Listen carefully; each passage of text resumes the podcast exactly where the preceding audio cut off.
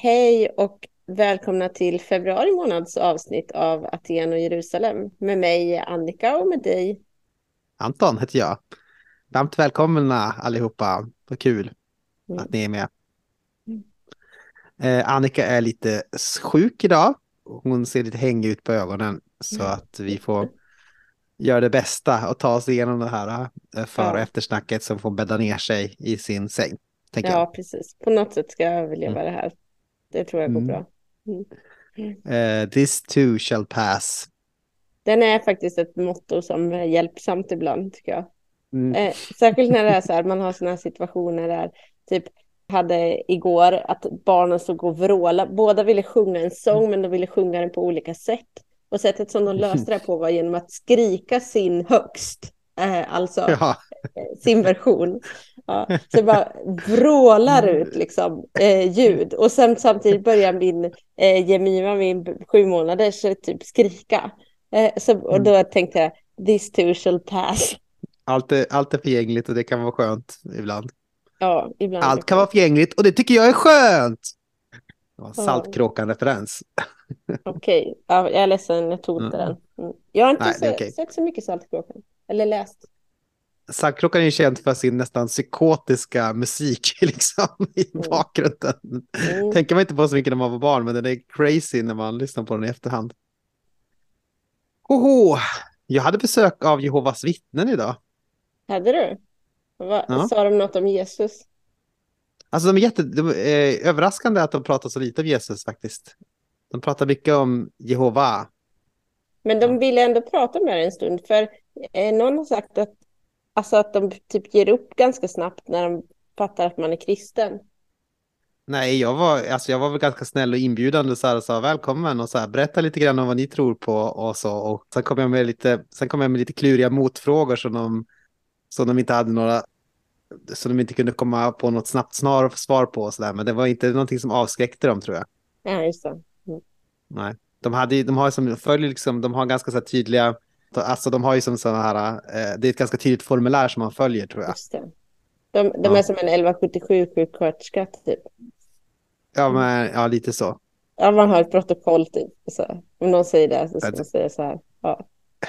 I och för sig så tycker jag att det var ganska trevligt så här, men det var ja, ändå lite så här, lite, eh, lite manualstyrt kände jag ändå att det var. Kanske inget eh, man rekommenderar till andra att, eh, att ta, ta, efter Jehovas metod för typ eh, mission evangelisation. Mm. Nej, precis. Men å andra ja. sidan så stöter man ju på dem, så det är ju mer än vad man kan säga många av oss andra. Ja. så. ja, men det är sant. Men ibland har jag funderat på det, lite sidospår, men liksom mm. om man till exempel håller på med någon evangelisationsform som gör att man syns, men som är också mm. avskräckande för väldigt många. Mm. Så det finns ett stor risk att man avskräcker fler än man eventuellt mm. lockar. Ja, mm. har man då liksom, är det värt det för den om det är en person som har typ fått höra talas om Jesus och blivit nyfiken av det. Och sen var det 999 som typ tänkte kristna vill jag aldrig ha med något med att göra. Mm. Är det då värt det? Jag tänker på sådana som står på typ ner på stan, jag bor i Linköping då, då och då kan man höra med någon bandspelare eller någonting eller står och skriker och vrålar typ. Att, ja, ja. Det är ganska avskräckande för de flesta av oss. Mm. Jag ja. känner bara, de här där vill jag inte förknippas med, tänker jag. Mm. Ja, jo, nej, och jag vet inte det här med skrika på stan tror jag kanske är bland de sämsta evangelisationsmetoderna. Spontant. Spontant känns det så. Det är väldigt få som eh, blir attraherade av det.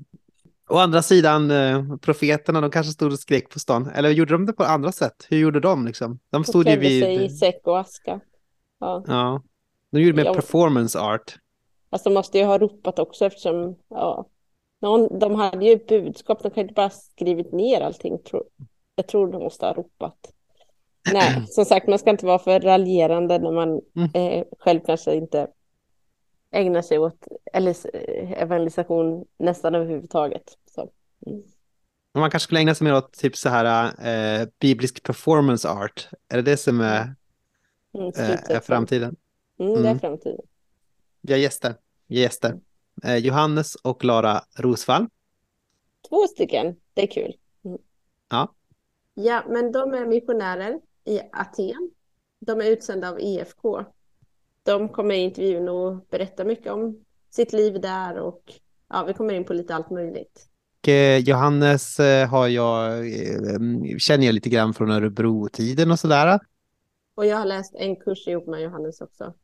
Jag känner ja. honom pyttelite. Ja, men kul. Kul intervju. Ja. Men du, Anton, har du tänkt på någonting? Har jag tänkt på något? Det är dags för månadens mönster. Äntligen, som vi har väntat. En, en hel månad har ni väntat, mm. kära vänner. Och jag tänkte kanske säga någonting pyttelitet om en bibeldebatt som varit. Den är ganska liten, så här, bara en, en lite gammal vanlig dagendebatt som jag råkade se. Det var att en av de som var intervjuat här och en kär person som heter Greger Andersson eh, hade skrivit ett inlägg. Jag mm. såg först att, han hade, att det var ett svar till honom som hade skrivit av Stefan Gustafsson. Jag, då tänkte jag så här, jag ska jag läser eh, Gregers inlägg först då. Jag är inte alltid en sån som gillar Stefan Gustafssons inlägg, men jag tänkte jag ska ge det en ärlig chans att läsa hans svar och se vad han hade att säga om det här inlägget mm. som jag har läst. Och då gjorde jag det. Och så sen så blev jag, tyckte att det var så himla dåligt så att jag blev arg.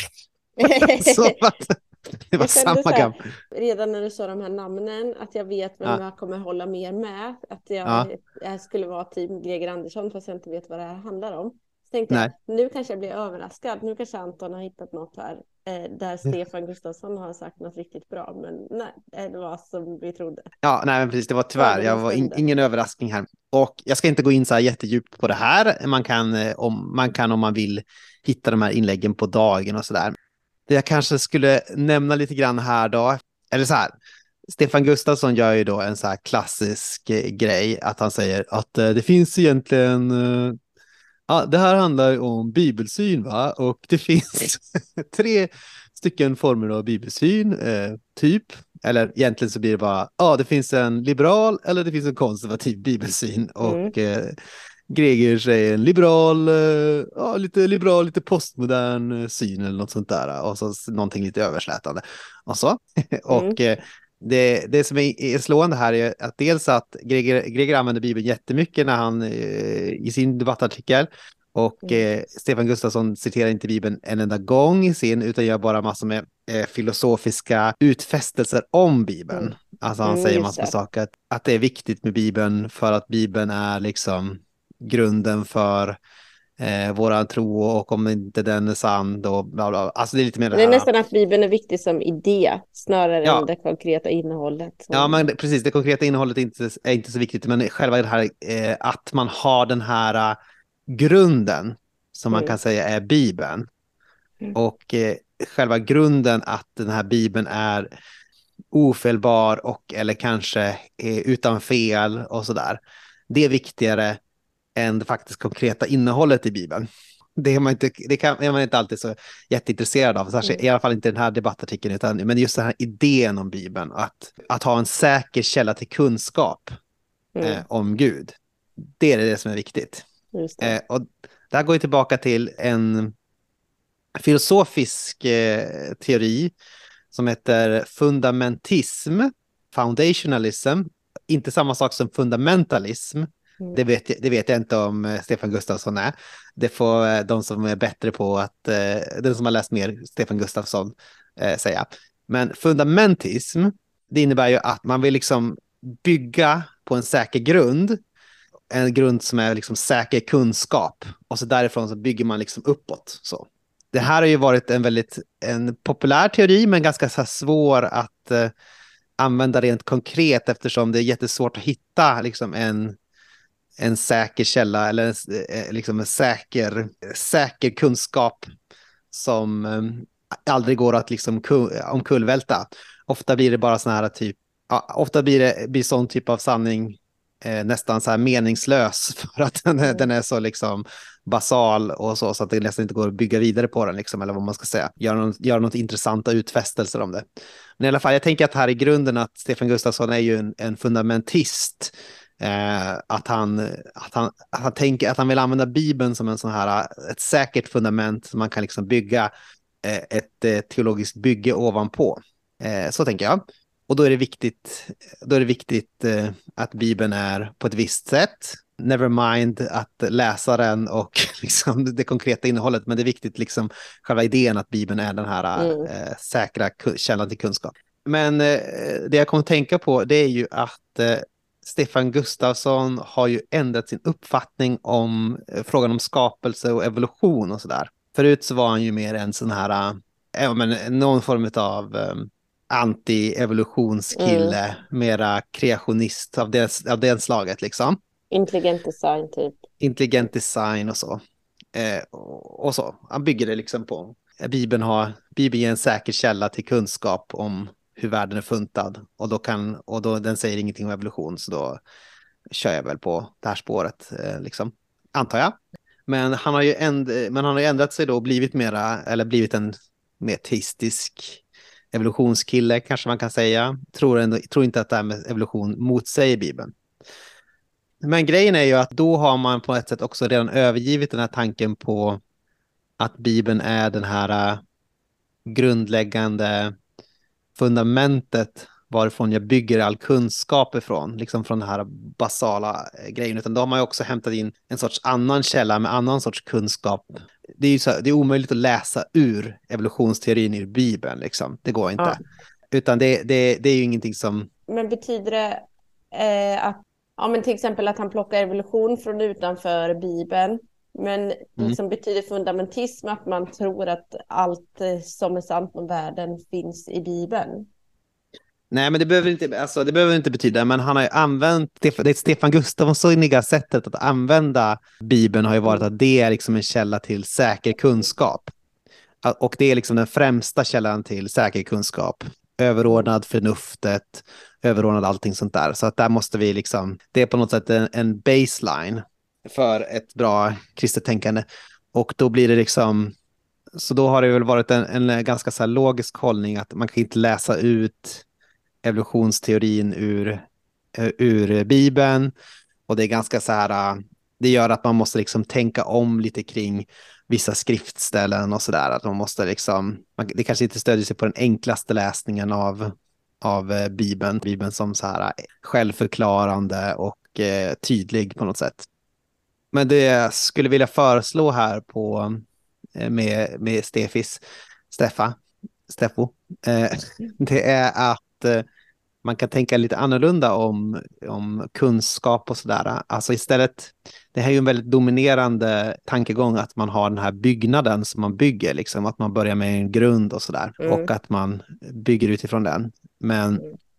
man skulle också kunna tänka utifrån ett nät, att uh, man bygger ett nät. Och då, eh, ett nät som man bygger, det har ju inte en grund på det sättet som man bygger liksom uppifrån, utan det är mera, det är massor med olika trådar som hänger ihop mm. och uh, bli, blir, ett, blir ett, liksom ett fint litet nät som man kan fånga flugor i. Så, eller vad man nu använder sitt nät till. Mm. Jag känner jag är inte riktigt på Så då kan olika kunskapskällor vävas samman lite? Ja, men det är lite mer, ja men precis, det är liksom så här att om man får en reva i, ett, i en del av nätet, då kan man eh, se liksom, ja, ah, okej, okay, kan jag liksom väva om nätet på något sätt så att det här fortfarande passar ihop, liksom, eller att, det här håller, att nätet håller. Det blir en så stor reva att nätet faller samman, det, är inte liksom, det, det går inte att använda längre. Eller mm. kan jag liksom se att oj, här ska jag kunna, ja, man kanske kan dra, kanske om man drar den här äh, tampen hit eller den här liksom garn, äh, den här garnstumpen mm. åt det här hållet och binder så, ja men då kanske det håller ihop igen. Och så.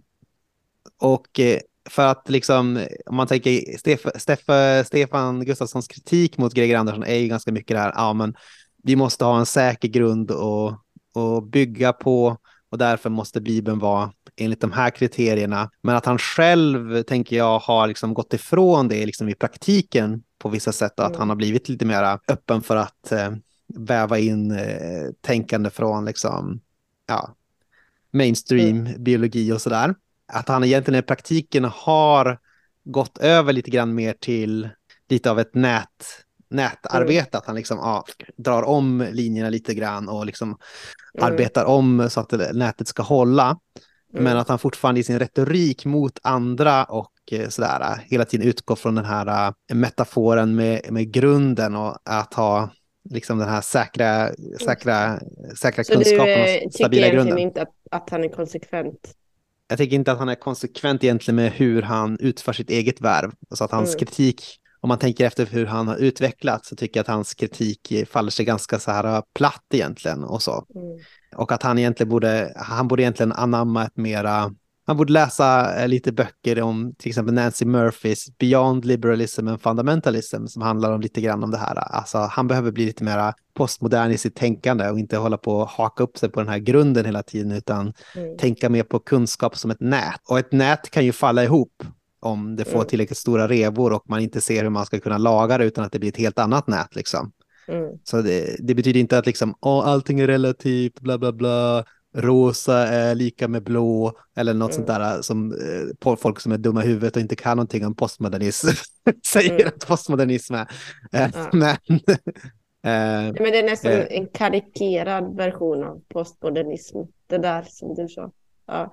Eh, om man mer tänker på det utifrån den här eh, nätmetaforen och hur jag tänker mig att Stefan Gustafsson har omarbetat lite grann när han har blivit mer öppen för liksom, evolutionsteori och sådär att, då, att han redan är eh, att han redan är i ett eh, postmodernt tillstånd och redan håller på och liksom mm. eh, arbeta med olika tampar i ett nät snarare mm. än med eh, alltså att man alltid måste bygga från en första princip och sen uppåt så här.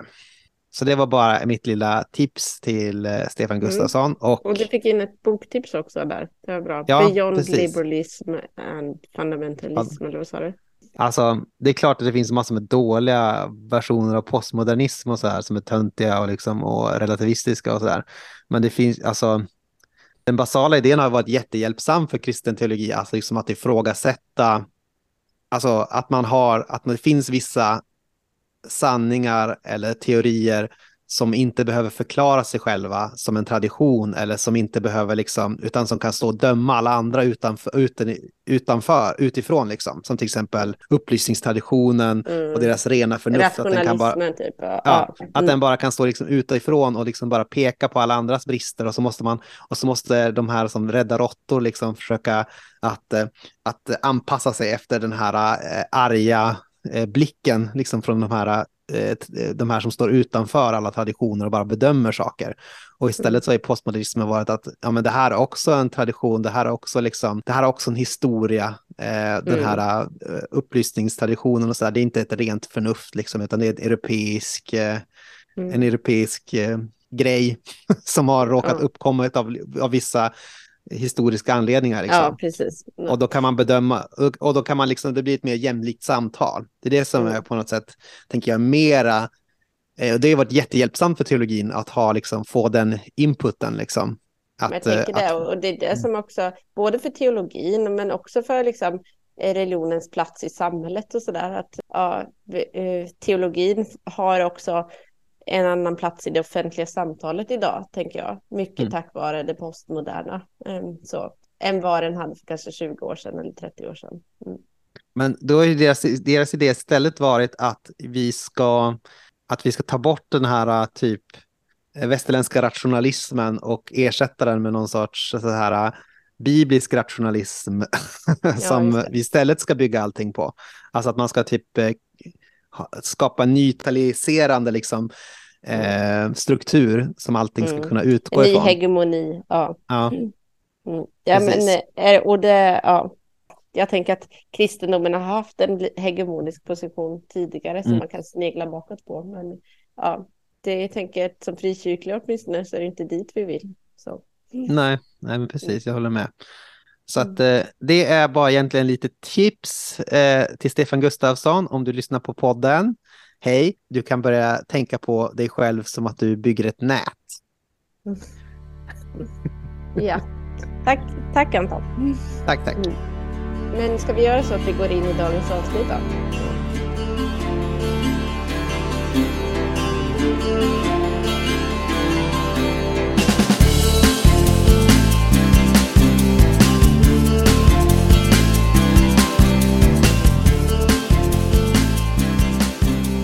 Hallå, hallå! Vi är i Aten kan man säga. Vi är med Johannes och Lara Rosvall. Eh, vi befinner oss, jag och Annika, egentligen på två olika ställen i Sverige och ni befinner er faktiskt i Aten då. Eh, så varmt välkomna Johannes och Lara. Tackar, Tack tackar. Vad roligt att ni är här. Kul att vara med. ja, så kul eh, hur, skulle ni, hur skulle ni presentera er själva då? Det kan ju finnas en och annan som inte känner till vilka ni är på uppstuds. Ja, Johannes och Lara Rosvall. I Sverige kommer vi senast från en tid i Örebro, men nu bor vi ju här i Aten och jobbar för EFKs räkning här med lite trubbigt kan man väl säga församlingsbyggande. Eh, innan, jag kommer från Örebro och läst på ALT, bott i Stockholm en sväng också. Och du? Jag är uppvuxen i Stockholm, eh, pluggat på Södertörn, bott i Örebro, eh, jobbat som administratör mycket. Ja, varit med i Mötesplatsen i Örebro i många år. Mm. Mm. Träff, eh, hur träffades ni? Om man, det var ett, ett sidospår, men hur träffades ni liksom i Örebro då? På, via på mötesplatsen eller på något annat sätt? Vi träffades på en ganska... Ja, alltså både jag och Lara har ett eh, konst och kulturintresse som är ganska stort. Mm. Eh, och vi träffades första gången på en lite konstig samling, en slags ekumenisk eh, bönesamling i ett kapell tillhörande Klara kyrka som hette Bön för konsterna. Det var typ vi och kanske fyra, fem till där. Och där träffades vi första gången. Vi pratade en hel del. Sen var det kanske en som inte kom ihåg den andra efteråt. Men eh, den andra blev lite mer intresserad av den andra. Men sen så blev det ändå vi. Ja. Så. Är det så att, eh, jag gissar då att Johannes är den som blev intresserad och eh, Lara var den som hade svalare intresse? Eller var, är det för det, det, känns nästan som att det är liksom en universell berättelse att killen blir mer intresserad och tjejen blir eh, inte intresserad från början. Ja, så kan vi väl säga. Vi, vi, vi följer den universella modellen så. Ja. Mm. Har ni läst, har ni läst Coin i grekiska eller någonting? Om, Nej, egentligen inte. När jag skulle läsa på ALT så var det språken, både hebreiska och grekiska, som jag var jättesugen på innan. Sen som, som många andra så fifflade jag med min studietid så att det blev, det föll sig inte naturligt. Så jag har väl hört några ord sådär, oikos, som vi nu absolut inte får säga här, för det heter ju ikos till exempel. Mm. Just det, så att ni har verkligen haft noll användning av er studietid också på... Eller, alltså det uttalet man läser när man läser koine-grekiska, det är ju något helt annat helt enkelt än eh, så som greker pratar. Det, det, här har jag fått noga lära mig av en, en, en vän som har en grekisk pappa som liksom, han tycker alla mina uttal är fel. Mm. mm. Ja, det stämmer. Det är väldigt annorlunda. Ja, ja och de här, alltså vi läste ju språk här på universitetet och de lärarna sa ju att det där är inte ens antik grekiska, det där är bara något hittepå som man har gissat att det låter som. Det är mer sannolikt att det låter som vi pratar idag, säger de. Men... Ja, Nej, det där tycker jag... Det, ja. Men det, det min, min universitetslärare när jag läste grekiska förklarade som att det är en slags standardisering som används i liksom över olika länder där man lär sig koine-grekiska. Och det återspeglar egentligen inte en specifik tid, att eh, det motsvarar att det uttalet fanns då, utan det, ja, mm. det stämmer väl ungefär med vad du sa. Mm. Jag tycker framförallt att det känns lite oförskämt av grekerna att hålla på att ändra sitt språk så mycket på så här 2000 år. För det är de ju ensamma om. Ja. ja. Det känns i alla fall väldigt kul tycker jag att eh, vi i Aten och Jerusalem får ha vårt allra första Aten-avsnitt någonsin. Det är, mäktigt ju. Det är väldigt mäktigt. Att ni skriver mm. historia. Mm. 93 avsnitt mm. in så händer det. Det blir någon sorts anknytning Äntligen. till namnet. Synd att vi inte väntade till det hundrade avsnittet och körde någon slags eh, pomp och ståt och hade Aten-representation då och sen någon Jerusalem-grej. Mm. Ah, ja, mm. får hitta på något annat. Mm. Någon Ni kunde ju ha varit i Jerusalem idag och intervjuat eh. oss därifrån. Ja. Just det. Det hade varit något. Vår församling ska ju göra en resa ner och hälsa på er, vet jag. Eller min mm. församling. Mm. Yeah. Men mm. jag tror att jag kanske är för fattig för att följa med. Så att eh, det vore kul annars. Såklart. Ja, det är dyrt att besöka oss. Vi tar mycket i arvode. det är alla de här. Ja, det, det är väl så. Nej, det ingår. Ja. och eh, ni befinner er i eh, ett, ett, ett område här som jag ska vi se om jag kan få till uttalet här. Exarchia, kan man säga så? Eller är det? Mm, det var ganska, ganska bra tycker jag. Mm. Ja, mm. Hur skulle du säga? Exarchia. Exarchia. Mm, som har ett lite mer... ljud. Mm. Aha, just det. Mm. På Wikipedia är det känt som Atens anarkistiska område. Som ni råkar befinna er i. Eh, ja. Men, men ni kanske kan presentera lite närmare. Vad är det här Exarchia för ställe som mm. Mm. ni har hamnat på? Jo, men det stämmer väl eh, delvis kan man säga att det är ett anarkistiskt område. Det är ett område som har fått stå för eh, ja, men väldigt många eh, olika kreativa och konstnärliga och olika, alltså motståndsrörelser kan man väl säga mm. under eh, en lång tid. Mycket bohemer och författare och olika typer av folk som har rört sig. Och en hel del anarkistiska grupper som har fått, eh, ja, men som har, kan man säga, styrt området om de nu gillar att styra. Mm. Det har också varit ett område där poliser inte har gått in eh, under väldigt många år. Så då har det också pågått en hel del droghandel och eh, många liksom papperslösa flyktingar till exempel har hittat en, en fristad i det här området och det har visats mycket solidaritet mot dem. Så det har varit ett väldigt eh, annorlunda område, en annan, ja, en annan typ av stadsdel jämfört med andra delar av Aten.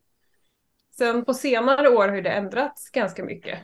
Ja, man kan väl säga också att det ligger ju i centrala Aten, mm. så det är ett centralt område och en del tänker på Christiania när man nämner ett sånt här område som har fått vara lite grann och bevara sin särart. Och det är väl inte riktigt så här. På ett sätt är det så, men det är inte så hippiestämplat utan det är ju mer aktivister och anarkism. Mm. Det finns mm. lite olika större anarkistgrupper här då. Sen när Mitsutaki, han som är president nu, när han kampanjade eh, inför senaste valet så var ett av hans stora vallöften att han skulle rensa upp Exarchia.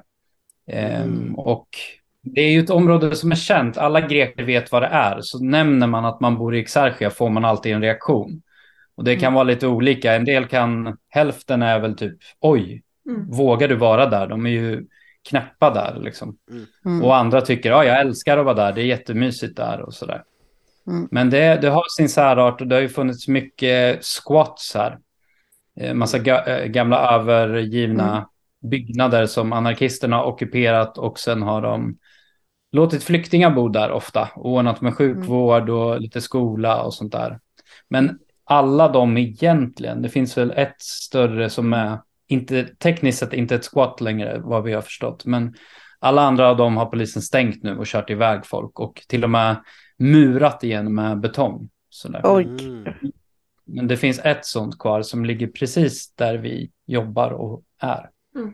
Även numera är det poliser överallt eh, i Exarchia. Alltså de har, eh, ja, men även under vår, vår tid här som bara är ett och ett halvt år så har vi sett en jättestor ökning av, av polisnärvaro. Mm. Ehm, så går vi liksom kvart, en kvarts promenad eh, från, från centret där vi jobbar till vårt hem så går vi förbi liksom en, en 30-40 poliser. Ja, ni nämnde mm. också i ett nyhetsbrev att det var, det har varit stora protester mot ett eh, tunnelbanestationsbygge. Och att mm. det för med sig massor med beväpnade poliser. Eh, mm. så. så är det. Mm. Det, det, lokala torget, det är ett litet torg som Exarchia har som är väldigt, har varit väldigt symboliskt viktigt. Och det är ju helt, jag vet inte vad man ska säga, instängt nu, igenmurat. De har satt upp liksom jättehöga staket runt hela torget och så mm. står det ju, jag vet inte, 40 poliser där dygnet runt. Mm. Typ kravallutrustade liksom och vaktar, mm. vaktar det. För där vill de bygga tunnelbana. Och då kan man fråga sig vad, vad är det som är så dåligt med tunnelbana? Aten har ju jättestora problem med biltrafik och sådär. Och uh, dålig luft också, så tunnelbana är egentligen ganska bra. Men då är det ju, som det är i många städer, problem med gentrifiering och att man vill liksom fräscha upp det här området, göra det mm. bra för mm. turister och Airbnb och sådär, vilket ju betyder att de som bor här nu inte kommer kunna ha råd att bo kvar och mm. Området förlorar sin särart och sådär. Och att man Så. liksom inte gör det i samråd med eh, lokal communityt på något sätt. Det är ju också typiskt. Mm. Motsvarande i Sverige stambyte, som man eh, Exakt. kan säga. Om man vill få bort folk därifrån så kan man ha stambyte. Ja, ja exakt. Ja, och det, det finns ett annat ställe bara ett par hundra meter bort där det kanske hade varit mycket mer logiskt att sätta en tunnelbanestation. Men jag tror att det finns en symbolisk tanke med att lägga det på torget som har varit lite hjärtat för anarkisterna också. Bara under mm. tiden vi har, var, vi har bott här så har det ju skett liksom assemblies kallar de det, öppna samlingar där. Där man har liksom samtal om området och vad som händer och ibland kommer anarkister från andra länder och nu finns inte den samlingsplatsen längre utan mm. bevakas av polis istället. Så mm. Ja, det. det. är lite märkligt. Är det. Mm. mm. Jag funderar på, eh, ni nämnde där inledningen att ni båda är så här konstintresserade, eh, kulturintresserade människor. Var det liksom också en anledning till att ni sökte er till det här området specifikt? Ja, ja jo men absolut. Alltså, man kan väl säga projektet som vi jobbar inom fanns ju innan vi kom. Det, Billy Hellmark är ju initiativtagare till det som har varit missionär för EFK i, jag vet inte, han har varit ute i, vad är det, 20-30 år, mm. eller ännu längre. Tillsammans med sin fru Eva-Lena.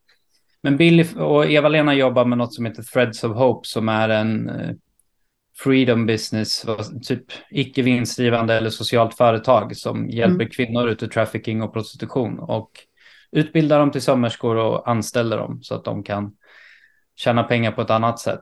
Men Billy drog igång det här projektet i Exarchia och vi kan ju säga mer om honom sen, men vi kom ju hit för att vi såg en annons för det här området som EFK hade lagt ut eller satt ut.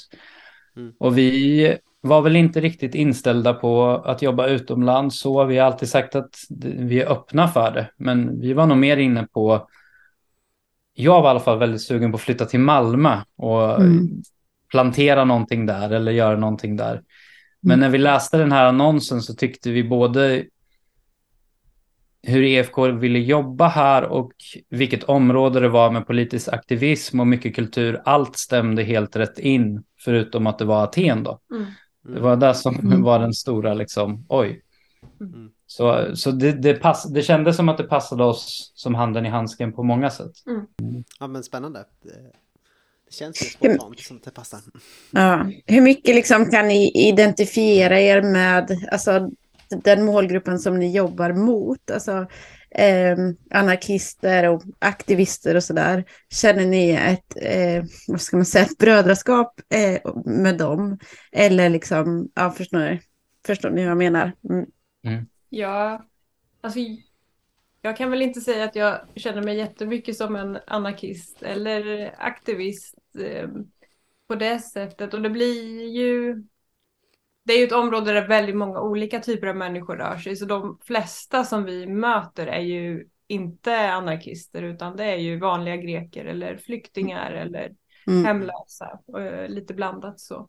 Sen kan ju verkligen alltså det, det kristna motståndet finns det ju mycket eh, mm. som, som eh, ja, men att vara en, en liten gemenskap som vill någonting annat än det staten vill. Eh, mm. Och som har andra värderingar och som har en annan herre är ju liksom, de har ju ingen herre då, men att mm. Eh, men det här motstånd, motståndet mot eh, etablissemanget eller mm. kanske snarare att man inte nödvändigtvis håller med etablissemanget. Ja, men det finns ju verkligen. Eh, och mm. ett ifrågasättande av hur saker kan vara och borde vara och eh, att se saker från ett annat perspektiv. Det finns ju verkligen. Eh, mm. mm. Sen kan man väl säga att, eh, den, att flytta hit liksom och det, så är det väl alltid när man byter kultur kanske, men alla kompasser snurrar lite grann på något sätt när man kommer hit. Och jag kommer ihåg tidigt när vi kom så såg vi att det skulle vara en stor an, eh, demonstration som anarkisterna hade för en anarkist som satt i fängelset. Och han skulle flyttas från ett fängelse till ett hårdare fängelse och då skulle de demonstrera mot det här. Och jag tänkte, ja men vad spännande, kanske vi ska kolla upp vart det är och haka på på något sätt. Sen när vi googlade lite mer på honom och vem han var så var ju han en slags liksom anarkisternas hitman som har åkt runt och dödat massa folk på mm. andra sidan. Och från mina liksom anarkistvänner hemma i Sverige så där är pacifismen ofta mm. väldigt viktig och en central del. Och det är ju inte här, det är molotov cocktails och mm. ja, det, mm. det är mycket sånt när vi har flyttat hit, så är det även inom kyrkan här med de frikyrkliga vi möter att orden betyder inte riktigt samma sak. Så man får liksom känna sig fram och man famlar lite grann i det. Mm. Mm. Dålig stämning om du hade hamnat på ett kort där med demonstrera för Hitman. Mm. Frige Barabbas. Utlämna Jesus! Sen är det också alltså, i, i och med liksom gentrifieringen som pågår så är det ju också, alltså det finns ju ett motstånd mot turism och mot ja, men ja, men hipsters kommer och har råd att hyra en lägenhet eh, där greker inte har råd för att lönerna är så låga. Och i och med att vi fortfarande håller på att lära oss grekiska så har ju vi känt att ja, men, att lära känna de som verkligen brinner för det här området. Det är inte liksom läge att göra det förrän vi verkligen har blivit en del av området på ett tydligare sätt och själva förstår vad vi pratar om. Eh, så så det hade inte varit eh, trovärdigt att liksom komma utifrån eh, så, som det, så som vi gör nu. Liksom. Eh, mm. What up fellow kids? Mm. What up? ja, nej, men det kan jag verkligen förstå. känns inte så respektfullt. Liksom. Eh, men ni håller i ett center som kallas eh, Nea Koinonia. Eh, hur var uttalet den här gången? Kinonia. Kinonia! Ah, det är det där man... Alla bokstäver byter eh, betydelse och ljud. Ja, Kinonia. Mm. Äh, ja. Förlåt, vad är det för ställe och vad gör ni där för ja, men, Jo men det är ju, ja, man kan säga att den frågan, vad är det för ställe, har ju vi levt mycket med tillsammans med Billy under det här ett och ett halvt året vi har mm. varit här.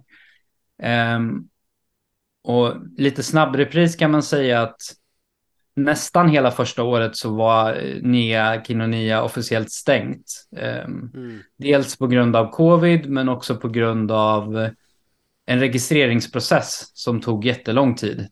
Det tog väl totalt två år att få centret registrerat. Mm. Vilket egentligen inte är en, den partnerförsamlingen vi jobbar tillsammans med. För de tog det 17 år att bli registrerade som frikyrka. Så det kan ta tid här. Så två år var inte så farligt. Men i maj ungefär 2022 mm. så slog vi upp portarna. Um, och man kan väl säga att där vi jobbar, det eh, ser väl ut lite som en blandning av ett fel, eller öppet vardagsrum. Sådär. Um, och vi har, kommer man in genom till dörr, dörren så till vänster har vi en free shop med en massa kläder som man får ta gärna och man får också komma och jämla, lämna kläder. Och det gör ju mycket folk i grannskapet och sådär. Och det är en det är ett koncept som finns i det här i, i, i Exarchia, i det här anarkistiska området. Både som en solidaritetshandling men också som ett alternativ till kapitalism och konsumtion. Mm. Så en sån har vi också. Mm. Eh, vi har massa stolar och bord där man kan sitta, en soffa, en liten övervåning med en lite halvt undangömd böneplats. Sådär. Eh, en dator och en skrivare som människor kan få använda och så. Mm. Och vad gör vi? Jo men eh, alltså en stor del av vår tid går ju till att, att hålla öppet på centret. Eh, vilket innebär att vi har eh, så att, ja, men det finns kaffe och te, eh, det finns den här free shoppen och folk dyker in och eh, sitter och snackar och berättar en, ja, det, finns, det är lite annorlunda från vad man kan tänka sig i Sverige där folk kanske är lite mer reserverade och inte riktigt vågar uttrycka sin nyfikenhet. Här kommer folk in och eh, ja, men undrar vad är ni för ställe? Vad gör ni här? Eh, hur, kan jag vara med och bidra på något sätt? Och en del kommer och sätter sig och börjar berätta om sina liv. Och eh, kan väl säga att från det att vi slog upp dörrarna i maj så har ju kanske en, ja men nu har vi väl runt en 20 stammisar ungefär som kommer regelbundet varje vecka och sitter och pratar med oss och hänger och berättar om sina liv. Och det är väldigt spännande att se vad som händer bara man sitter och lyssnar på människor. För många av dem som kommer är ju personer som verkligen har behov av gemenskap, som är ensamma, eh, varit med om saker som gör att de har blivit väldigt ensamma. Och eh, där vi får vara med och se hur de berättar om vad som händer i deras liv, vad de tänker på, men också byggs in i en gemenskap tillsammans med de andra som kommer dit. Så jag tror det var i september som vi började dra igång eh, tisdagskvällarnas öppna måltidsgemenskap. Så då lagar vi mat ihop och äter ihop. Och det var väl ett vägval där att vi, det finns ganska många ställen som liksom delar ut matlådor eh, för att fylla liksom själva behovet mat. Men vi ville gärna ha en plats där folk kunde komma och äta tillsammans. Um, så för att föra ihop alla de här som vi har lärt känna genom centret. Så det har ju blivit till en jättefin ja, men gemenskap och eh, en plats där, där vi lär känna varandra och får stötta varandra i det vi står i eh, i livet. Mm. Um. Ja, det, det, är en väldigt... Det är extremt blandade typer av människor som kommer och sitter där. Vi har väl några flyktingar som har funnits i Aten ganska länge vad kan det vara, mellan kanske sex och sju år på de som kommer. Mm.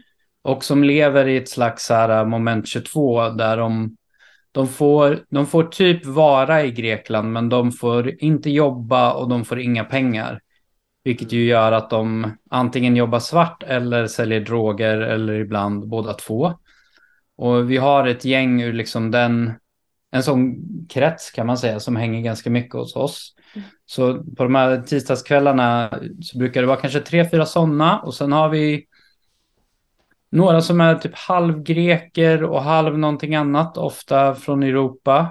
Lite expats, halvt sådär, som kommer och tycker det är kul att vara med. Någon är filosof, någon är någon slags hinduisk munk, kanske han är nu snarare än buddhistisk. Mm. Och håller på att ska starta ett ashram ganska nära. Och någon är bara någon glad person. Och sen har vi liksom lite mer så här personligheter som vi har en man som är i 60-årsåldern som är lite mer en pensionerad hippie kanske. Som har liksom liftat runt hela sitt liv och sen landat lite i exarchia och har dåliga erfarenheter av relationer till andra människor. Så han har varit väldigt försiktig men börjar ju...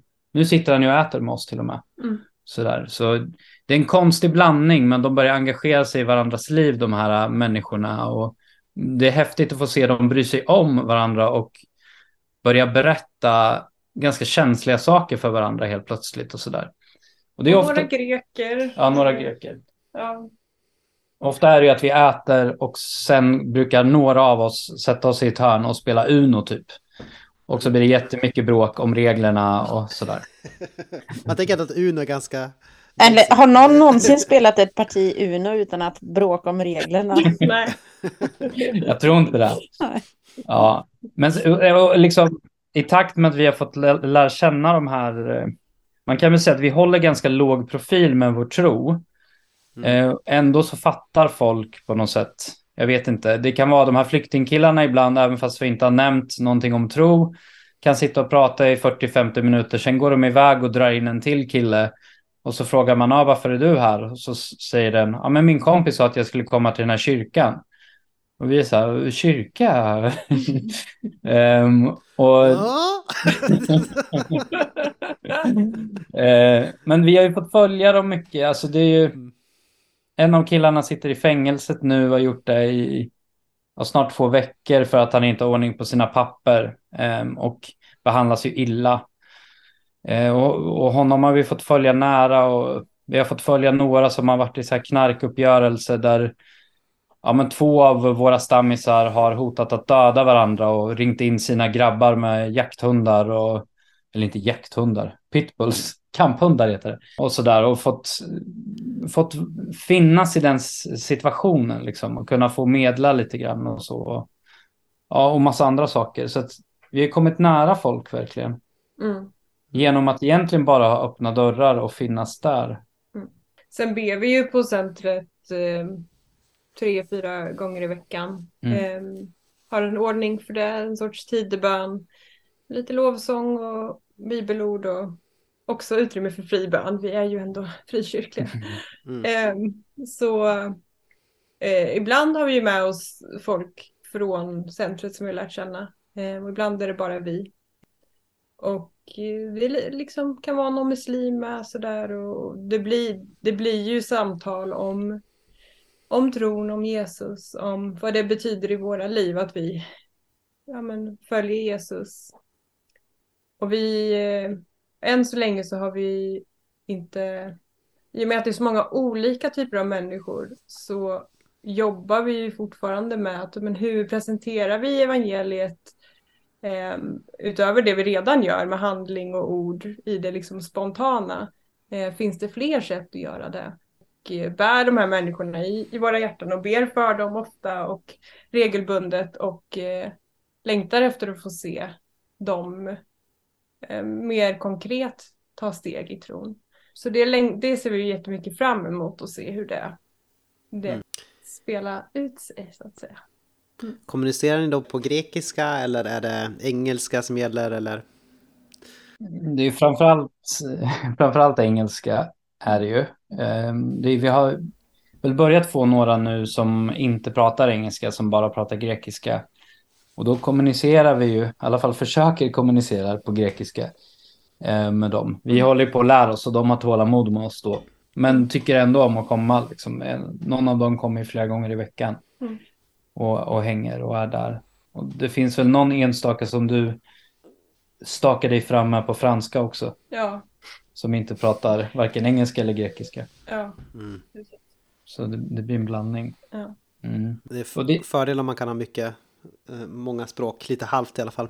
Ja, mm. exakt. Mm. Ja, men det är som Lara säger, vi funderar på nu mycket vad, vad som skulle kunna vara nästa steg eller hur det skulle kunna se ut för att vi känner att vi har byggt upp en gemenskap och ett förtroende hos många människor och att det är mycket fint som se, äh, sker. Men sen kan man ju fundera lite, liksom, vad är vår gemenskap riktad mot? Eller vart, vart rör den sig emot? För att på de här tisdagskvällarna det, vi gör ju egentligen, egentligen ingenting som är explicit kristet, liksom uttalat mm. kristet. Däremot så sker det ju mycket broderlig omsorg och ja, mycket som finns som kännetecknar en kristen gemenskap i det. Så där står vi i ett litet spännande läge och ser mm. vart det tar vid. Ja men spännande, hoppas att ni mm. eh, hittar rätt väg framåt. Ja. Mm. Är ni del av en lokal kyrka också? Ja, men det är vi. vi dels har vi ju en partnerförsamling som det heter, alltså en eh, kyrka som står med och stöttar det arbetet vi gör, som är liksom mer officiell partner. Men där är vi inte superofta, utan vi firar gudstjänst i en annan församling. Partnerkyrkan ligger strax utanför Aten och vi firar gudstjänst med en, en eh, kyrka som ligger centralt. Mm. Så dit går vi på söndagarna. Eh, du, du pratar ju Johannes om det här med att, eh, att, man, att alltså, ord betyder inte riktigt samma sak när man kommer till en ny kontext. Att det är lite så här att känna sig lite vilsen eller att man behöver orientera om sig lite grann och sådär. Jag funderar på hur har er erfarenhet av att hamna i ett nytt sammanhang, hur har det liksom, har det på något sätt som ni kan sätta ord på förändrat hur ni tänker kring Gud eller kring eh, eran tro eller sådär? Eller är det liksom givet? Jag tror att det har nog påverkat oss en del. Kanske lite olika eh, individuellt så, men och eh, samtidigt så är det svårt att veta exakt hur det, det är svårt att sätta fingret på för att vi är fortfarande ganska mycket i det tror jag, att vara ganska nya här. Men alltså när man, jag tycker att det har varit jättespännande att få liksom på riktigt erfara hur det är att vara en invandrare. Vi är inte flyktingar så vi kan ju alltid åka hem liksom om, om vi vill. Men, men att, att vara lite lost i en kultur och inte förstå och inte kunna orientera sig och att i mötet med en annan kultur så får man ju syn på, syn på sig själv på många sätt. Och även sin tro och vår, vår kyrkliga bakgrund, vår frikyrkliga bakgrund i Sverige. Och det är mycket som snurrar där. Eh, och, och man ser hur olika det kan vara fast man har samma tro på ett sätt. Och jag vet inte, på ett sätt så tänker jag att Gud kanske inte riktigt lika rigid som jag hade tänkt att Gud var innan. Även om jag inte har tänkt att Gud är jätterigid, för jag tycker att Guds sätt att tala till oss liksom genom bibelordet och församlingsgemenskapen lämnar ju upp, uppenbarligen mycket utrymme för oss att tolka och fundera och liksom hitta fram till vad Gud säger. Så det finns något givande och tagande där, men, men det... Gud funkar på så många sätt på så många ställen som ser olika ut. Ja. Jag vet inte vad du tänker Lara?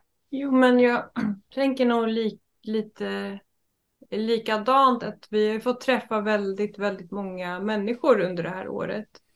Och eh, människor är ju så sjukt fantastiskt komplexa och olika. Alltså alla har ju varit med om så många olika saker. Man tänker men människa är väl en människa och att ta emot Jesus eller att liksom få upprättelse i sitt liv eller så. Att vara kristen borde se ut på ett visst sätt. Men ehm, för mig har det fått vara att, att få ställa oss i det här uppdraget.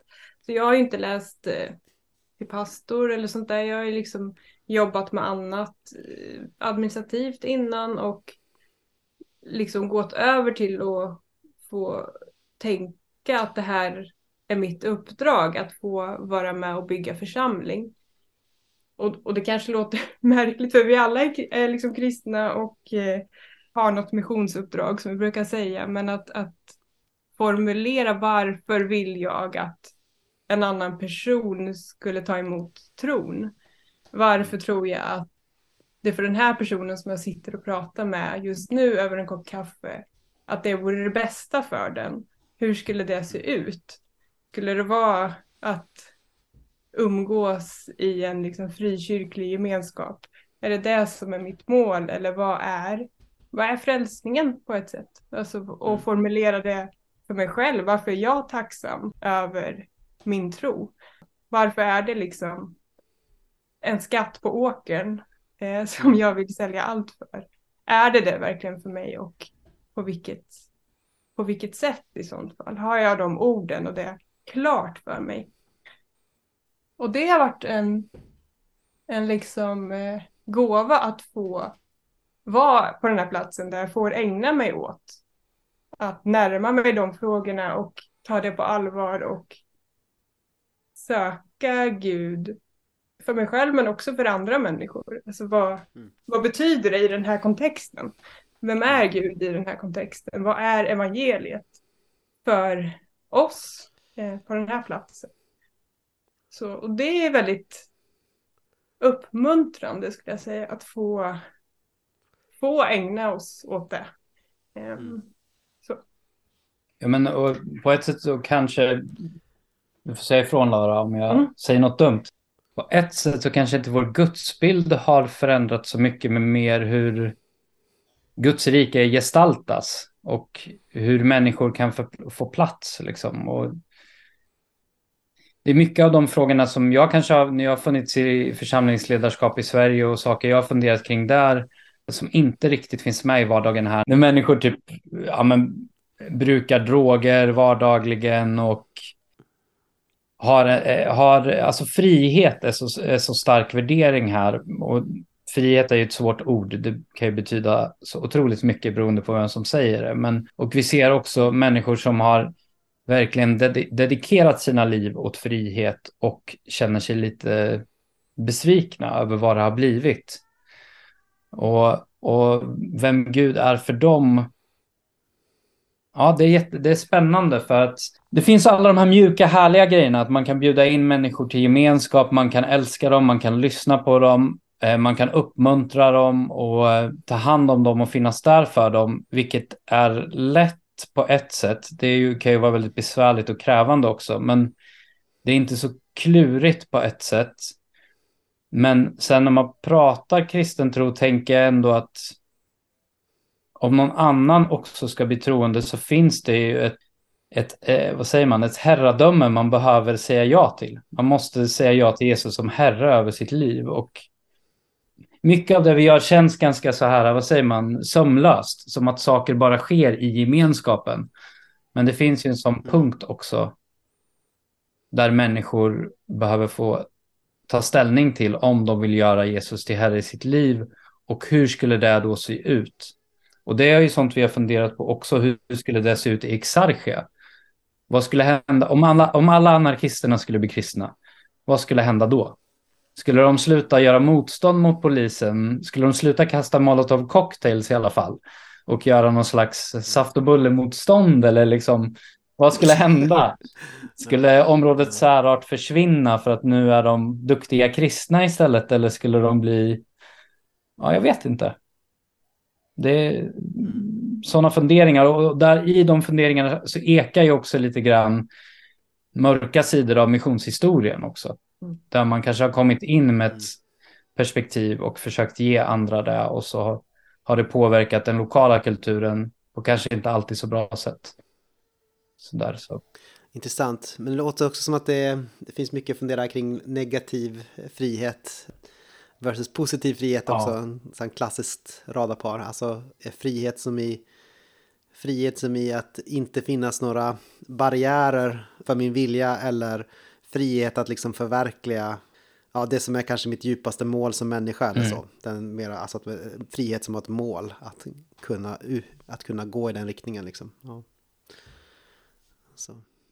Det kan, ja, det kan jag tänka ja, mig att man kanske lätt hamnar, att lätt, den negativa friheten kanske lättare att uh, sälja in för folk och så. Ja, ja, och det finns ju något, i alla fall när, man, när det dras till sin spets i form av olika typer av anarkism ibland så kan väl jag utifrån människosyn tycka att det ibland kan det bli en aning en naiv människosyn. Där det är upp till liksom varje individ att forma allting så länge det i någon mån då inte skadar någon annan hur man, hur man nu mäter där då. Men mm jag tror vi människor ibland behöver lite tvingande strukturer, tyvärr. Jag behöver det i alla fall. Vi prat, ni pratade senast om frihet och eh, tvingande ja, strukturer. Nej, men det, jag funderade på den också finanskrisen 2008. Eh, mm. Som vi kanske alla kommer ihåg. Mm. Eh, som är någorlunda gamla. Då blev ju kanske Grekland ett av de länderna som var hårdast drabbat i Europa. Man hamnade i en ekonomisk kris. Man fick en väldigt eh, stark svångremspolitik som man mer eller mindre liksom blev påtvingad från eh, trojkan eller eh, de starka EU-länderna mm. i eurozonen. Och i Sverige då har jag för mig, jag vill minnas att reaktionerna var mest att man hade liksom armarna lite grann i stidan och sa eh, mm. skyll dig själv, mm. skyll dig själv mm. lite grann så till eh, Grekland. Ja. Och jag, jag funderar bara på vad, vad för slags resultat av den här krisen är liksom märkbara i Grekland nu? Och eh, eh borde man haft den här skyll dig själv-attityden? Var den konstruktiv. Alltså, vi hade ju förmånen att plugga lite. Dels har vi läst grekiska här i, i Grekland, i Aten, men vi har också läst eh, någon distanskurs från Lunds universitet i, i grekiska. Och då fick vi läsa en bok om modern grekisk historia, vilket ju skildrar bland annat det här och lite annat. Den var ju kanske skriven lite mer ur ett vänsterperspektiv, men eh, resultatet av vår läsning av den var väl att man både kunde, kunde säga skyll dig själv och inte alls kunde säga skyll dig själv till Grekland. Där, mm. Alltså en del greker uttrycker det som att under hela 1900-talet och även nu så har vi aldrig haft egen makt över vårt land utan vi har alltid varit under någon annan. Och det har liksom varit Nazityskland eller britterna eller USA och nu är det EU vi är under liksom. En koloni under Bryssel. Ja. Mm. Men sen det. finns det ju verkligen många år av statlig korruption där pengarna har gått ner i fickorna och sådär. Och dålig ekonomisk planering verkar det också som med hur man har delat ut pengar under vissa perioder mm. efter militärjuntan och sådär. Mm. Så det är lite blandat, men jag kommer ihåg, och, och, här pratar de, de pratar om 2008, men de pratar också om 2012 som liksom två sådana här krisperioder. Och när vi var nya här och vi, vi fick hyra en lägenhet som inte hade möbler så vi behövde skaffa möbler och var i mycket butiker då och pratade med folk och då kommer jag ihåg att det var en grek som sa till oss att ja, innan 2012 såg man aldrig folk leta mat i soporna, men det gör man i stort sett varje dag nu. Och, och så är det ju här och du är bättre på de här siffrorna Lara, men hur var det med löner och allt sånt där? Ja, men det är ju en väldigt dyster bild som framträder när man pratar med, med liksom lokala greker som inte har haft ansvar för finanspolitiken eller haft liksom kunnat eh, sko sig på bistånd och sådär som, som de säger att eh, politikerna har. Men eh, alltså de har ju en minimilön på, jag tror att det är 715 euro nu före skatt. En liksom vanlig hyra kan ju ligga på 500 euro. Så man klarar sig inte riktigt på en, en lön. Och mycket vardagliga saker, alltså mat och bensin som många konsumerar är ju minst lika dyrt som i Sverige. Mm. Ibland dyrare här. Ja, vi pratade med en, eh, en som jobbar på bageriet där vi brukar köpa bröd eh, ibland. Och hon sa att före krisen så eh, hade hon en lön på 1200 euro. Eh, men sen eh, så fick de sänka lönerna. De, på många, I många tjänster så halverade de lönerna. Det här var ju, ja men det är över tio år sedan.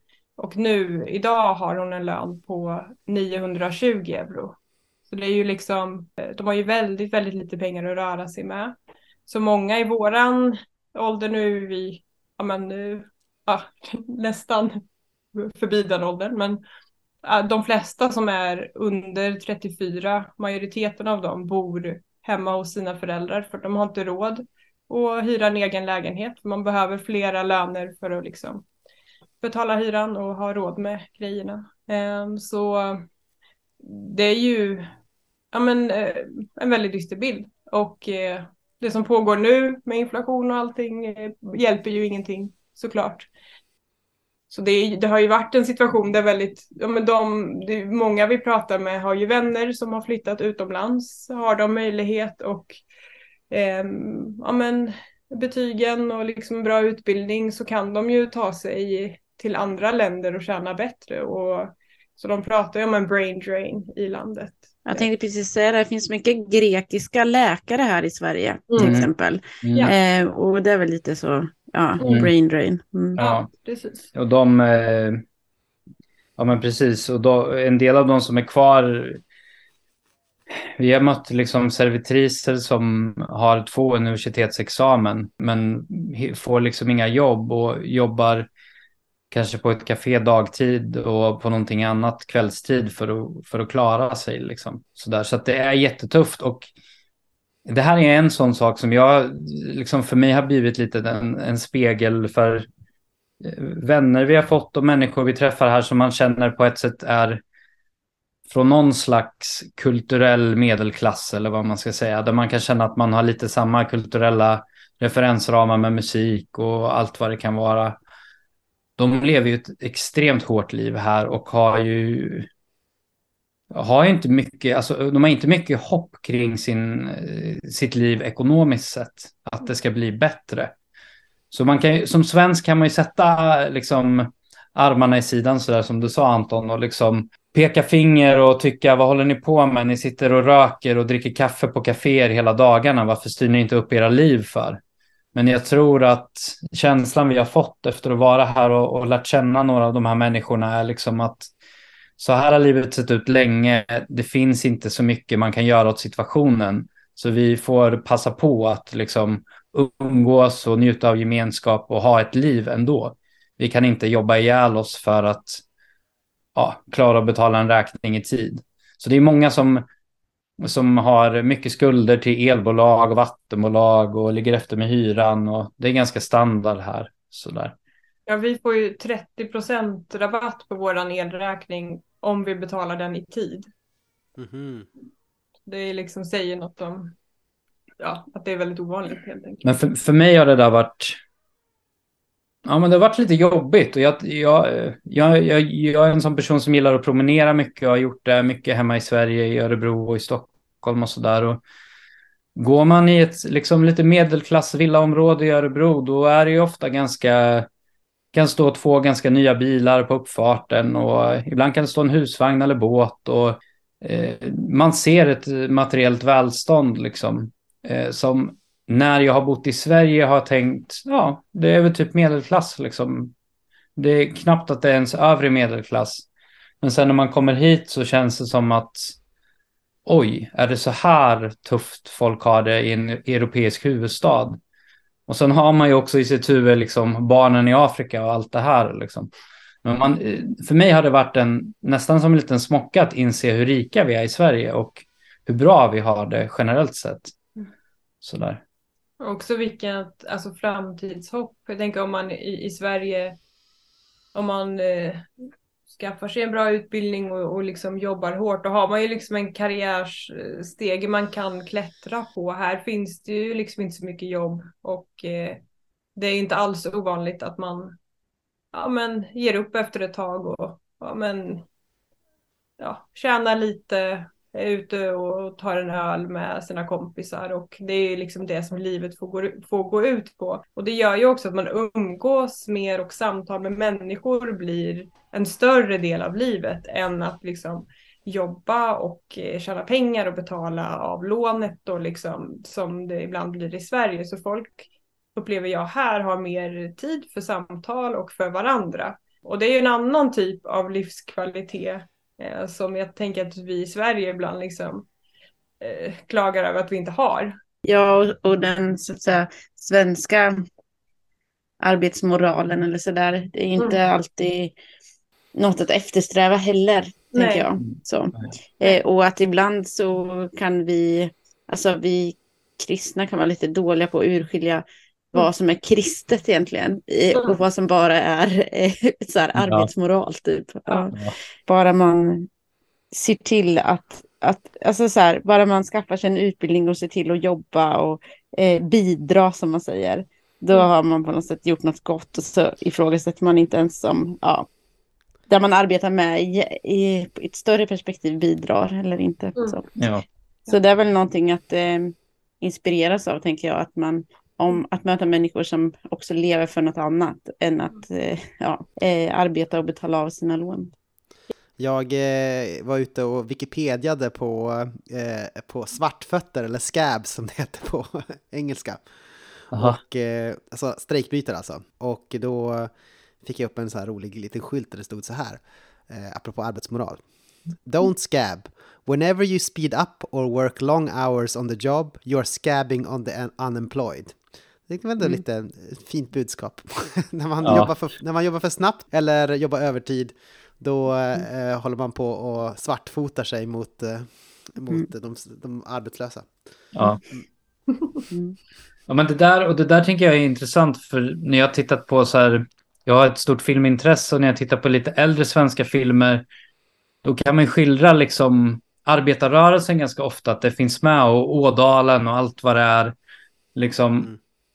Och sen eh, när vi flyttar hit så är det lite som att man flyttar in i den världen. För att här, solidaritet är ett jätteviktigt ord här. Och alla yrkesgrupper känns det som demonstrerar hela tiden. Så det är alltid demonstrationer för rättigheter, för ja, arbetsvillkor, löner, arbetstider och sådär. Så det där är, det är levande här, det här samtalet. Jag vet inte hur mycket nytta de där demonstrationerna gör, men det är ju ett par varje vecka känns som. Mm. För olika saker liksom. Mm. Så den kampen lever här. Det känns gött att göra någonting i alla fall kan man tänka. Ja. och att man gör någonting tillsammans. Det är liksom det är mm. också att det, det motar eh, hopplösheten. Mm. Ja. Men för mig har det väl varit lite, jag, jag jobbade ju på Örebro folkhögskola i Vivalla innan vi åkte ut och eh, på allmän kurs där och då är det ju människor som läser upp sin gymnasieutbildning som av olika anledningar inte har slutfört den eh, när, man, när de växte upp. Eller eh, också lite, det var en hel del flyktingar också som har kommit och läser in sin gymnasiebehörighet. Och i alla fall eh, för mig och mina kollegor där på Örebro folkhögskola så på ett sätt handlar det ju mycket av det jobbet om att hjälpa människor att få en chans in i samhället igen, att komma upp på fötter och ofta eh, en väg ut ur en negativ livsspiral som kan ha hamnat i antingen psykisk ohälsa eller kriminalitet ofta. Och som, som en väg in liksom i, i, till ett annat liv. Det hade jag med mig mycket när vi kom hit och mycket av dem vi möter här kan ha lite samma bakgrund eh, på vårt center. Men här är inte, alltså, ska jag vara lite spetsig, så här är inte, ta dig in i samhället så är det lugnt. Det är inte evangeliet här. För det, det är inte lugnt om man kommer in i samhället. I Sverige är det typ, har du ett jobb då löser sig det mesta till slut. Liksom. Men här så, det räcker inte, det hjälper inte. Och, och vem, ja men, det är inte så att jag tänkte att Guds väg för de här människorna var bara att bli anställningsbara i, i Sverige. Mm. Klart inte, men, men, men man såg mycket positiva effekter i deras liv när de klarade gymnasiebetygen. Och det säger ju forskning också, med psykisk ohälsa och allt möjligt. Liksom. Men här kan man inte lita på systemet. Här är systemet, det är inte, bara för att man gör det rätta enligt systemet i Grekland så är det inte säkert att det blir ett bra liv. Och det är lite stökigt för en nordeuropé, tycker jag. För vi är vana vid det här, liksom, att det finns sätt som funkar. Och de kanske inte funkar här och då måste man tänka om ganska mycket. Och man måste vara församling på ett sätt där man vet att folk kommer lida hela tiden och vi kan inte möta allt deras lidande vi kan möta vissa delar, men vissa saker får vi bara släppa och det är väldigt smärtsamt att leva i. Mm. Mm. Ja, men det tycker jag mycket att när vi först flyttade hit att jag kände att i Sverige har man väldigt mycket liksom, men man är hela tiden på väg mot förbättring i alla områden och har man in, mm. hittar man ett problem då forskar man på det och så hittar man en lösning och så finansierar man det och så testar man allting ska bli bättre hela tiden. Medan här har man inte samma liksom hopp, man sätter inte samma hopp till att myndigheter och annat ska liksom hitta en lösning för hur samhället borde vara. Då handlar ju livet om någonting annat, eller man har inte någon annan att skylla på, även om de såklart skyller på systemet jättemycket här, så, så är det på ett annat sätt. Men jag funderar på, eh, alltså i Sverige upplever jag att det är i starkt nedåtgång, vad man ska säga, all sorts um, frivilligt engagemang i liksom på alla sektorer mm. och kanske särskilt i församling eh, och så, att det är väldigt eh, svårt där. Mm. Men eh, som, du, som ni beskrev det i början så här att eh, det är inte så konstigt, det är inte så ovanligt om folk kommer in liksom på ett center och bara jaha, vad gör ni för någonting, kan jag hjälpa till med något eller sådär, alltså det känns som att det är lite en, mitt lönearbete ändå liksom, ursäkta uppfuckat eh, liksom, så att jag kan väl lika gärna liksom, lägga min tid på annat eller liksom min energi på annat. Ja, men I Sverige verkar det vara som att det, är mera, det tar så mycket tid och energi det här med att arbeta och eh, ja, att man lägger så mycket hopp och eh, mm. sig själv i det. Ja. Så att även, alltså det är ju eh, såklart, det är ju framförallt negativt det du säger, men det är också kanske, eh, man har ett annat hopp, man har ett annat så här eh, fokus också på civilsamhälle, eller vad man ska säga, för att eh, man kan inte lita på massor med andra saker. Ja. Eller, eller på sin egen förmåga att ens arbeta ihop det så att man får det bra. Ja, men exakt så är det ju. Och samtidigt så är de ju klyschiga sydeuropeer på, på de sätten att de kommer ofta och säger jag vill gärna volontärarbeta här eller jag vill gärna vara med på det här. Så säger man jättebra, vi ses på torsdag. Sen kommer, hör man aldrig från dem mer. Det har ju hänt många, ja. många gånger. Så det, det är någon eh, lite härlig blandning där av att de blir lite eldiga och passionerade när de upptäcker vad det är. Och sen blir de eldiga över något annat. Tio meter längre bort. Så. Ja. Men det finns ju alltså, en vän som vi har det här som... När jag berättade för henne typ att i, i Örebro så ofta om jag skulle hänga med några vänner det var ganska vanligt att man var liksom, om jag skulle hänga, om vi som par skulle hänga med ett annat par, att vi var tvungna att vara ute typ minst två veckor innan för att boka in något. Och när jag sa det till henne, då sa hon så här, nej. Så jag, jo, det, ofta behövde jag vara två veckor innan, som nej, nej. Så jo, det är så. Hon bara, nej, det är, det, det är helt sjukt. Och hon blev helt chockad och hon sa liksom att jag kan när jag vill skicka sms till två olika kompisgäng och fråga vart sitter ni och dricker eller vart är ni liksom. Och så kan jag gå och hänga. Och det där finns väl i, i vår effektivitetskultur liksom, i, i Sverige och i Nordeuropa. Att vi maximerar ofta vår tid och vill hela tiden röra oss mot någonting, vad det nu är vi springer så mot. Men, ja. Mm. Och de tänker mer, äh, vi tar en kaffe eller en öl och pratar bara och så är vi arga på saker. Gött liv. ja, man känner också att det är väldigt långt bort från småbarnslivet. ja, precis. Det är ingen som har barn i, i Grekland. Sitta och hänga på ett café varje kväll. Typ. Ja. Barnen springer omkring här på gatorna vid tio på kvällen och föräldrarna sitter och käkar. Ja, det är, ja, det är sant såklart. Eh, alltså det, det är ingenting som är så tydligt som vad säger man, skillnader när det gäller läggtider på barn. Att så här, svenskar är så extremt och eh, dagvilan ska vara precis den tiden. Och sen så, ja, det här kan du allt om Anton, ni följer ju ja, schema. Och, ja, eh, men, eh, men liksom, och sen så träffar man någon ja, som har en annan kulturell bakgrund helt enkelt. Och de, äh, de somnar väl när de somnar. typ så här. Ja. Ja. Jag har frångått, ibland har jag frångått läggtiden. De fick la sig extra tidigt för att eh, de har feber och sådär. Så att eh, eh de mm. fick glass. Esra sa att de åt ganska mycket glass. Mm. Då, åt han, då blev han bara kall av glassen så han började huttra så här. det blev alldeles, blev så här, så han var, kände sig väldigt skyldig. Så jag fick klä in honom i så här, två stycken filtar. Så han satt han där och liksom blev uppvärmd. Och sen så, Somna. så somnade han liksom när han satt där. Så att så fick jag gå och lägga honom. Så. Hur mycket glass fick han mäta egentligen? Alltså inte överdrivet mycket. Han huttrade väl för att han hade feber. Man ja. ja, men han förklarade det som att glassen var kall. Och så. Du gav den i fel timing. Man ska ge den när febern ligger på topp istället. Ja. ja. ja. Vi har två frågor som vi brukar ställa till alla våra gäster. Och den första är, vem är Jesus? Eh, Jesus är eh, världens frälsare, får jag svara. Mm. mm. Ja, men Jesus är väl Jesus är min vän och någon som jag försöker ha som eh, herre i mitt liv.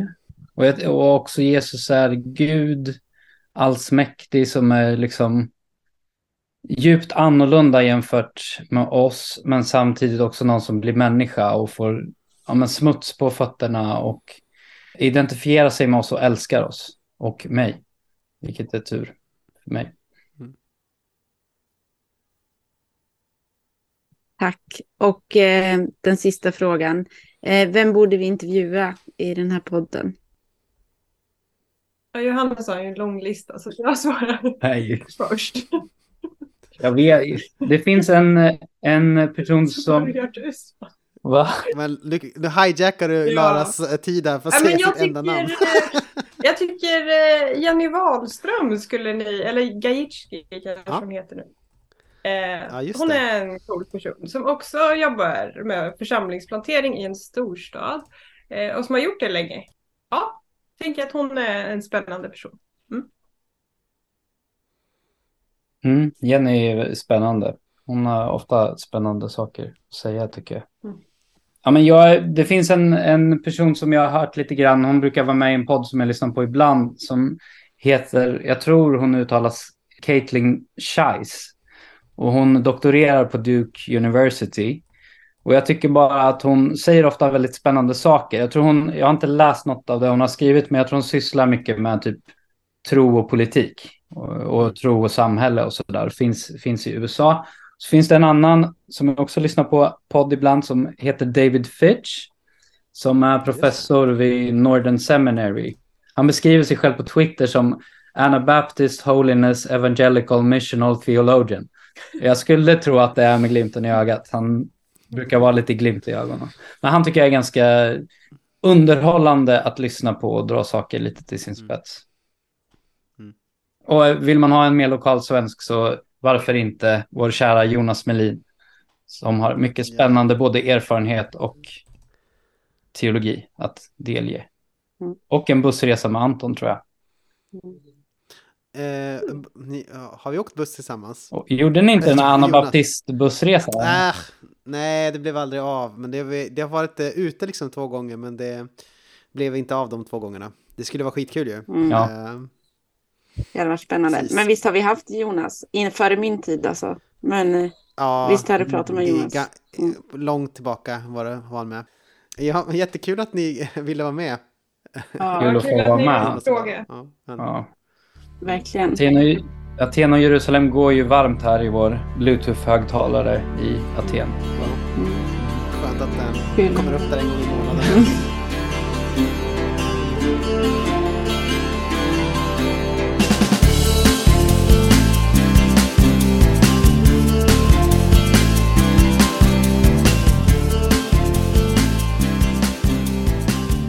Hej och välkomna till eftersnacket. Vad kul att Välkomna. ni har hängt med hela vägen hit. Mm, kul, som vanligt. Mm. Eh, vad tänker du på, Annika? Eh, nej, men jag tycker att det var, dels var det bara roligt att få prata med Lara och Johannes och liksom höra om vad de står i och också, hur ska man säga, eh, mission kan vara så mycket fick jag verkligen, jag vet det sedan innan, jag vet att mission är mycket, men ibland så blir det bara tydligt för en mm. på något sätt att liksom, ja, men det här är inte samma typ av missionärer som var de som kom på besök hemma i församlingen när jag var barn och som hade varit i något land i Afrika och som liksom kunde berätta om Ja, eller det var en viss typ av berättelser liksom, som man förknippar väldigt mm. mycket med mission. Mm. Man skulle inte förknippa utlandsmission med att bo typ i ett slags anarkistiskt kvarter i Aten och liksom ja, nej men eh, så det var upp, uppfriskande också att, att det är personer som jag skulle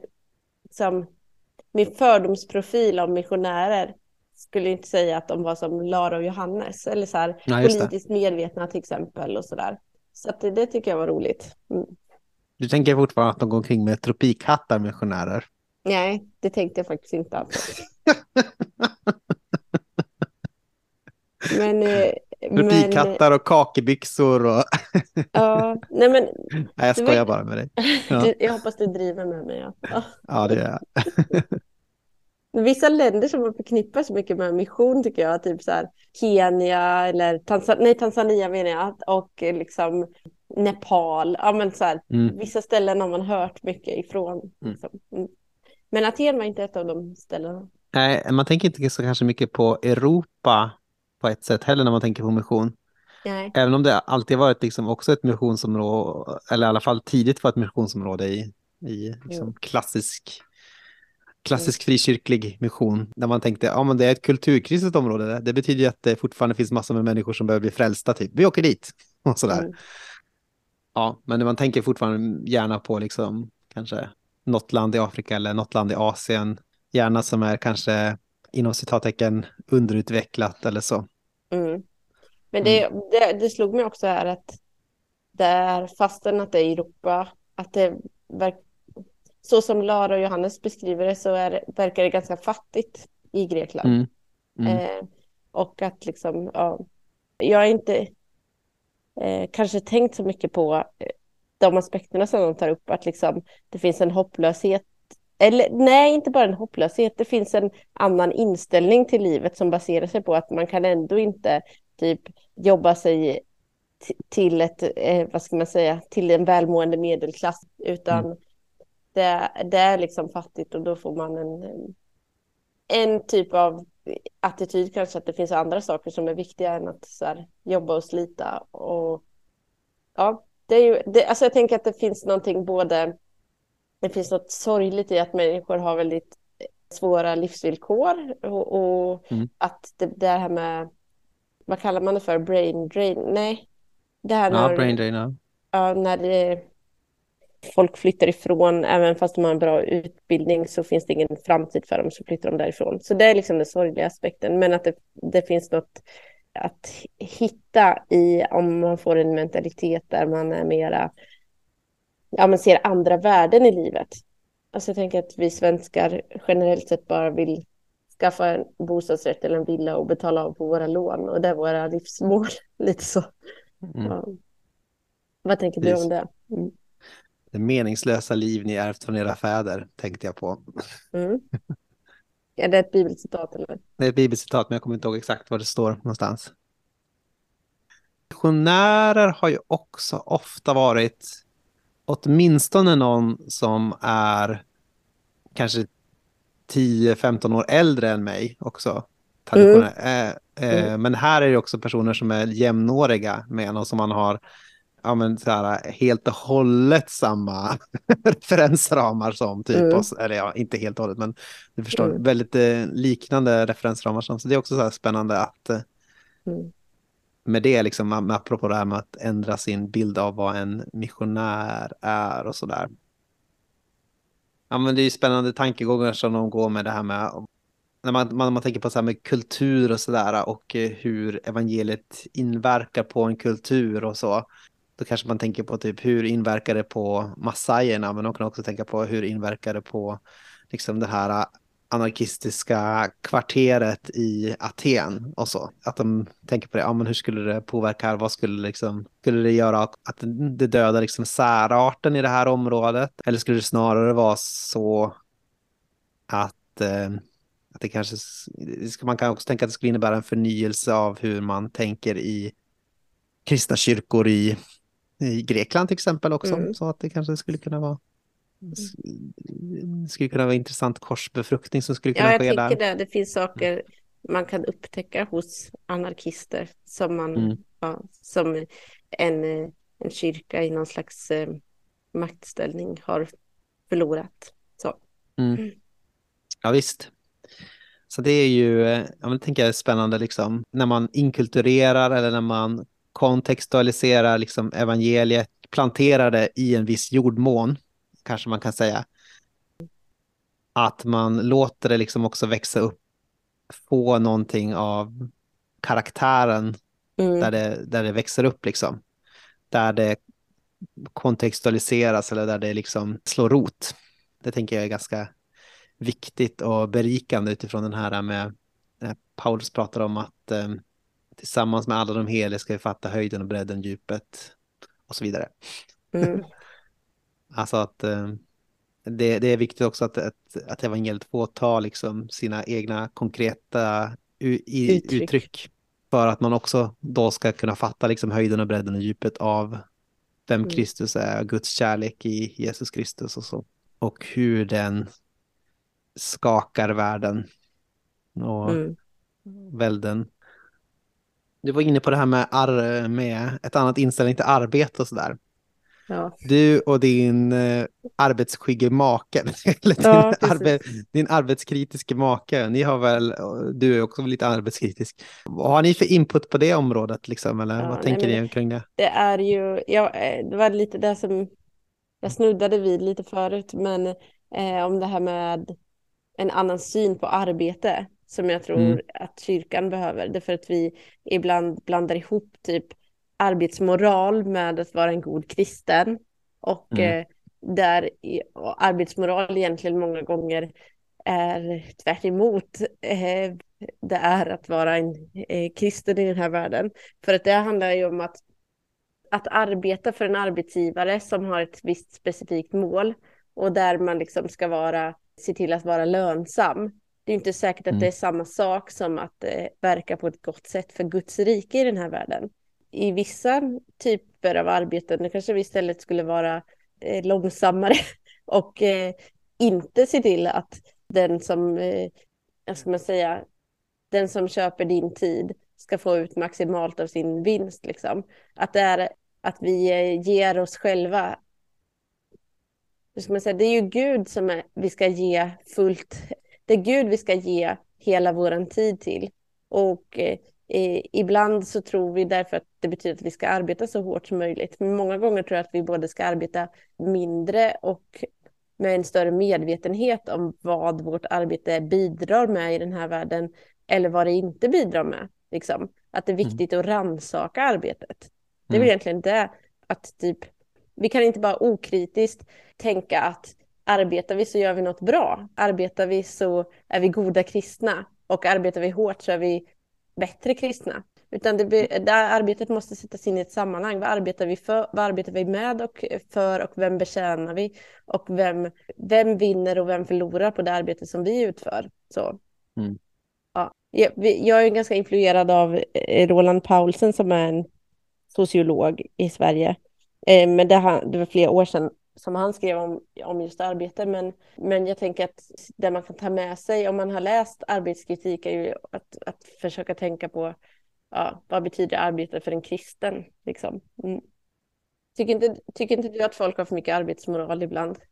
Jo, och jag tror att jag har också för mycket arbetsmoral Mm. jag tänker att uh, Catherine Tanner pratade om det i sin Christianity and the Spirit of Capitalism. Mm. And the New Spirit of Capitalism. Att uh, ja, men det som händer mycket på arbetsmarknaden är ju att man, man hela tiden tar bort allt slack banden måste alltid vara spända, kanske man kan säga. Eh, man ska alltid ha en så här tight produktion.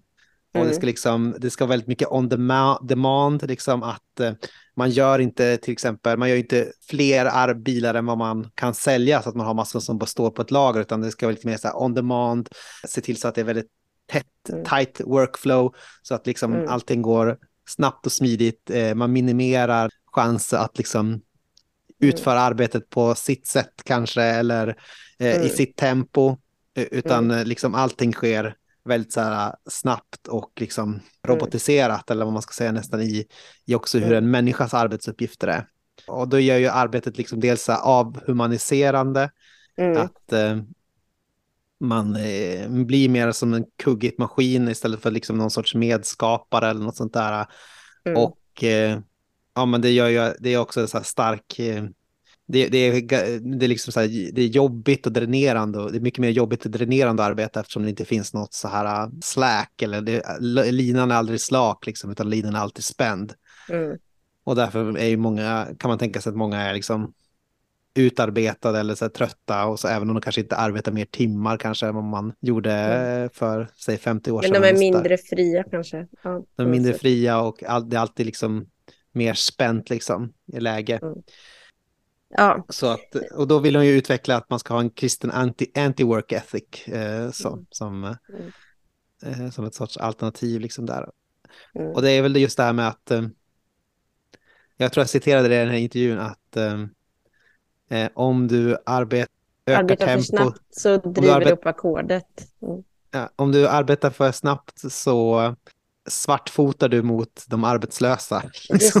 då, gör, då gör du så att, eh, så att de eh, inte kan få ett arbete. Liksom, och så. så det kan man också tänka liksom, på. Ge till kejsaren det som hör till kejsaren, men ge till Gud det som hör till Gud. Liksom. Ge mm. inte för mycket till kejsaren helt enkelt, utan för allt, för hela du tillhör ju Gud. Mm. Så, utan, Ge, ja, för det är också ge, där kanske ge, bara, ge bara exakt så mycket som du måste ge. ja. Men för det är kanske det också att, ja. att uh, vårt sätt att arbeta dränerar oss så att vi mm. typ inte har något kvar åt det som i övrigt är meningsfullt eller att liksom, ja men säg med engagemang i församlingen till exempel, att vi typ inte orkar någonting. Det är väl delvis mm. för att vi arbetar för mycket, tänker jag. Mm. Det här måste jag, får jag säga, nämna någonting, Jehovas vittnen som jag nämnde de blev väldigt imponerade av mig för att jag sa så här, de bara, varför är du hemma så här mitt på dagen? Och så jag bara, ja, jag arbetar två dagar i veckan så, och jag arbetar mm. ganska mycket timmar de två dagarna, men sen så resten arbetar jag inte liksom på mm. det sättet. Och de bara, wow, för det är typ deras ideal då. Man mm. också. De tycker också, han bara, jag arbetar mm. också bara två dagar i veckan och eh, så att det är tydligen idealet att man, man ska inte arbeta så mycket för att de, man kan tänka sig att Jehovas vittnen kanske är lite sluten grupp och så här, så att man ska hoppa på ganska mycket med församlingsarbete, man, man ska gå på mycket församlingsgrejer och så där och kanske knacka mm. dörr till dörr och så. Men jag tyckte det var, men det var lite kul va, att eh, de tyckte att, eh, att jag hade lyckats med någonting i mitt liv. Ja, jag precis. bara jobbade det, två dagar i veckan. Ja, det är också det att liksom, ja. ja. tänk om vi hade den inställningen mer. Alltså, ja. wow, vad lite du jobbar. Så coolt. Ja, ja. ja verkligen. Det var bara så här, det bara kändes bara lite kul att, att de mm. var så positiva över mitt arbetsschema. För liksom som, jag, eh, ja jättekul. Eh, men mm. jag är ju feminist också. Och mm. där är liksom ibland inom de kretsarna så är det snarare att man kan skämmas för att man arbetar för lite. För att typ, ja, du, man sätter sig själv i en dålig sits med dålig pension, dålig pension och allt vad det är. Mm. Liksom.